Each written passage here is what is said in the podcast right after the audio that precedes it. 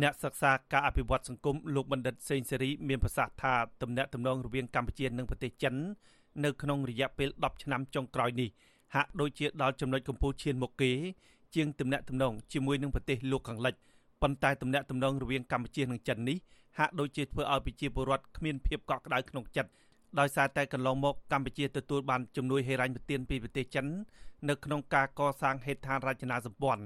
ក្នុងការអភិវឌ្ឍប្រទេសមួយចំនួនក្តីប៉ុន្តែធនធានធម្មជាតិដូចជាធនធានរ៉ែដែលជាទ្រព្យសម្បត្តិរបស់កម្ពុជាត្រូវបានបំផ្លាញយ៉ាងច្រើន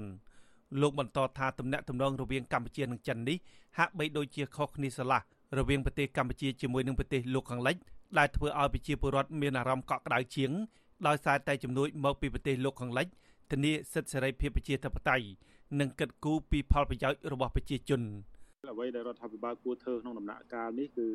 ទី1គឺធានាតុល្យភាពទំនាក់ទំនងរវាងប្រទេសចិនពួកកម្ពុជាជារដ្ឋមួយដែលវាត្រូវការទំនាក់ទំនងទាំងពាណិជ្ជកម្មការទូតនយោបាយហើយក៏ប៉ុន្តែទោះបីយ៉ាងណាក៏ដោយការរក្សា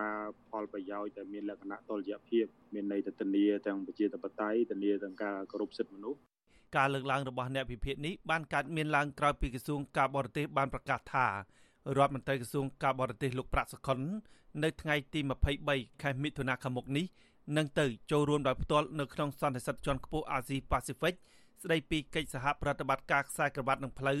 ក្រមប្រធានបទការជំរុញកិច្ចសហប្រតិបត្តិការស្ដីពីការប្រយុទ្ធប្រឆាំងជំងឺរាតត្បាតសកលសម្រាប់ការងើបឡើងប្រកបទៅដោយនិរន្តរភាព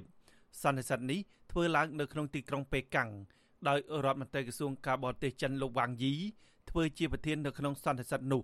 ដោយមានការចូលរួមពីរដ្ឋមន្ត្រីការបរទេសមកពីបណ្ដាប្រទេសដៃគូនៃកិច្ចសហប្រតិបត្តិការខ្សែក្រវ៉ាត់នឹងផ្លូវនិងតំណាងជាន់ខ្ពស់របស់អង្គការសហប្រជាជាតិតេតិនទៅនឹងការរិះគន់ថាទំនាក់ទំនងរវាងកម្ពុជានិងចិននេះអ្នកនាំពាក្យក្រសួងការបរទេសកម្ពុជាលោកកុយគួងប្រាប់អាស៊ីសេរីតាមរយៈបណ្ដាញ Telegram កាលពីយប់ថ្ងៃទី21ខែមិថុនាថារដ្ឋាភិបាលមុននឹងសម្រេចធ្វើអ្វីៗ គឺគិតគូរដល់ផលប្រយោជន៍សម្រាប់ជាតិនិងប្រជាជនជាធំលោកបន្តថាកិច្ចសហប្រតិបត្តិការណាដែលនាំឲ្យខូចខាតដល់ផលប្រយោជន៍ជាតិនិងប្រជាជនរដ្ឋាភិបាលមិនធ្វើឡើងឡើយតែកតិនទៅនឹងបញ្ហានេះអ្នកជំនាញវិជាសាស្ត្រនយោបាយលោកអែមសវណ្ណរាបានបញ្ជាក់ថាប្រទេសចិនបានបោះទុននៅក្នុងការមកវិនិយោគនិងសាងសង់ហេដ្ឋារចនាសម្ព័ន្ធនៅកម្ពុជា តាមរយៈគម្រោងខ្សែក្រវ៉ាត់និងផ្លូវនេះទាំងនៅក្នុងក្របខ័ណ្ឌតំបន់និងសកលលោក លោកបានបន្ថែមថាកម្ពុជាគឺជាប្រទេសមួយដែលមានព្រំដែនសមុទ្រដែលអាចឲ្យចិនពង្រីកយុទ្ធសាស្ត្រខ្សែក្រវ៉ាត់និងផ្លូវរបស់ខ្លួនបានហើយកម្ពុជាក៏ទទួលបានផលប្រយោជន៍មួយចំនួនដែលកើតចេញពីការផ្លាស់ប្តូរទំនិញដែលកម្ពុជាបានចុះហត្ថលេខាលើកិច្ចព្រមព្រៀងពាណិជ្ជកម្មសេរីទ្វេភាគីកាលពីឆ្នាំកន្លងទៅបើយើងនិយាយអំពីការសហប្រតិបត្តិការបើយើងនិយាយអស់គឺ ចិនបានបង្កលក្ខណៈងាយស្រួលដែរនៅក្នុងការផ្ដល់កម្ចីរូបិយរូបមុនធិរាញវត្ថុនឹងផ្ដល់ការអភិវឌ្ឍការសាងសង់ហេដ្ឋារចនាសម្ព័ន្ធដូចអ្វីដូចលោកនាយករដ្ឋមន្ត្រីមានប្រសាសន៍ចឹងប៉ុន្តែអ្វីដែលនៅសល់អំពីសមិទ្ធផលរបស់ចិនហ្នឹងវាហាក់ដូចជាបាត់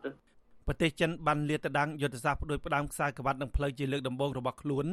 កាលពីឆ្នាំ2013 ក្រោមហេតុផលថាដើម្បីផ្សារភ្ជាប់ហេដ្ឋារចនាសម្ព័ន្ធសម្រួលការផ្លាស់ប្តូរពាណិជ្ជកម្មរវាងប្រទេសនៅអាស៊ី